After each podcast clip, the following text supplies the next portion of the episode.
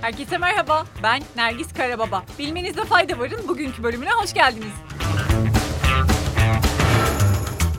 Sri Lanka'da pasaport başvuruları patladı. Gittikçe derinleşen bir ekonomik krizle mücadele eden Sri Lanka'da pasaport başvuruları arttı.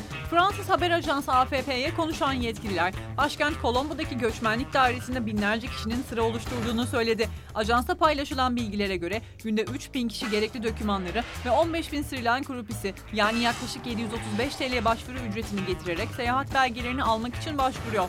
Yetkililer başvurulara yetişebilmek için dairenin 6 gün 24 saat boyunca hizmet verdiğini de belirtti. Buna rağmen birçok kişi geceyi sırada geçirerek işlemleri tamamlamak için beklemek zorunda kalıyor. Ayda yaklaşık 50 bin kişiye pasaport verilirken bu sayının Haziran'da 122 bine fırladığı aktarıldı. Harvard Üniversitesi araştırmacıları bu yıl başında dünya çapında 2.8 milyon insanı etkileyen ve kesin bir tedavisi olmayan multiple skleroz yani MS hastalığının ana nedeninin bir virüs olduğunu tespit etti. Araştırmacılar halk arasında öpücük hastalığı diye bilinen Epstein-Barr virüsü EBV enfeksiyonunun MS'e neden olduğunu kanıtladı. MS beyinde ve omurilikte mesajları taşıyan sinir telleri etrafında koruyucu kılıfı etkiliyor. Genellikle 20'li veya 30'lu yaşlarında teşhis konan hastalar konuşma ve yürüme güçlüğü çekecek hale gelebiliyor. Harvard'la araştırma ekibine liderlik eden İtalyan epidemiyolog, öpücük hastalığının MS riskini 32 kat arttırdığını ortaya koydu. Virüsün ortadan kaldırılması durumunda MS'in de tersine çevrilmesinin mümkün olup olmadığı ise bilinmiyor. Sırada ilginç bir haberimiz var. Hindistan'da parası biten turist kendini kaçırılmış gibi göstererek ailesinden fidye istedi ve Delhi kentinde gözaltına alındı. Evet yanlış duymadınız kendi ailesinden fidye istedi. Washington'lı 27 yaşındaki Chloe McLaughlin seyahat ederken parası bitti ve iddiaya göre ailesini para göndermeye ikna etmek için fidye e-postaları yazdı. Indian Express'e göre turist 3 Mayıs'ta Hindistan'a vardıktan sonra ailesini bir e-posta ve görüntülü arama yoluyla tehlikeli bir ortamda olduğunu, fiziksel ve duygusal şiddet tehditleriyle karşılaştığını bildirdi. Daha sonra fidye ödemesi talepleriyle devam etti ve 10 Temmuz'da baskı altında para istiyormuş gibi göründüğü bir görüntülü görüşme gerçekleştirdi. Ailesi yerel Amerikan elçiliği ve Hindistan polisiyle iletişime geçtiğinde de planı çözülmeye başladı.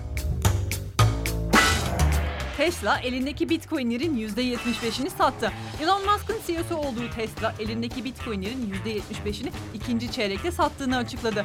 İkinci çeyrek mali sonuçlarını açıklayan Tesla, Bitcoin satışından mali tablolarına ikinci çeyrekte 936 milyon dolar giriş olduğunu belirtti.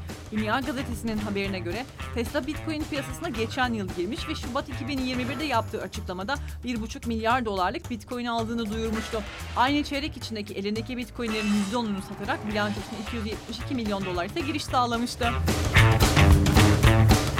Çin, bir yıl süren siber güvenlik soruşturması sonucu araç paylaşım uygulaması Dide Global'a 8 milyar yuandan yani 1.2 milyar dolardan fazla ceza verdi. ABD'de Haziran 2021'de 4.4 milyar dolarlık halka arz yaparak Çinli otoritelerin tepkisini çeken şirketin önündeki belirsizlik perdesi uzun zamandır beklenen cezaların açıklanmasıyla kalkmış oldu. Soruşturma sürecinde bir ara şirketin piyasa değeri %80 erimişti. Cezanın açıklanması şirket için en kötünün geride kalması anlamına gelirken Çin yönetiminin ekonomi kötüye giderken teknoloji şirketlerine yaklaşımının gelecekte yumuşayacağı görüşünü de destekliyor. Dünya Sağlık Örgütü küresel Covid-19 vaka artış oranının giderek yükseldiğini belirterek ilerleyen haftalarda daha çok hastaneye kaldırılma ve ölüm beklenebileceği uyarısında bulundu. WSO Genel Direktörü, küresel Covid-19 vakalarındaki artış ve maymun çiçeği salgınına dair değerlendirme toplantısında son 6 haftada küresel haftalık yeni vaka sayılarının neredeyse iki kat arttığını söyledi. Genel direktör, Covid-19 kaynaklı ölümler vakalar kadar hızlı olmasa da yükselişte. Artan vakalar, ilerleyen haftalarda daha çok hastaneye kaldırılma ve can kaybı bekleyebileceğimiz anlamına geliyor dedi. Son haftalardaki artışta Covid-19'un hangi varyantının etkili olduğunun bilinmediğinin de altını çizerek bu artışın sebebi hali hazırda bildiğimiz bir varyant da olabilir veya tamamen yeni bir varyant da gelmiş olabilir şeklinde konuştu. Bugünlük bu kadar. Haftaya görüşmek üzere. Hoşçakalın.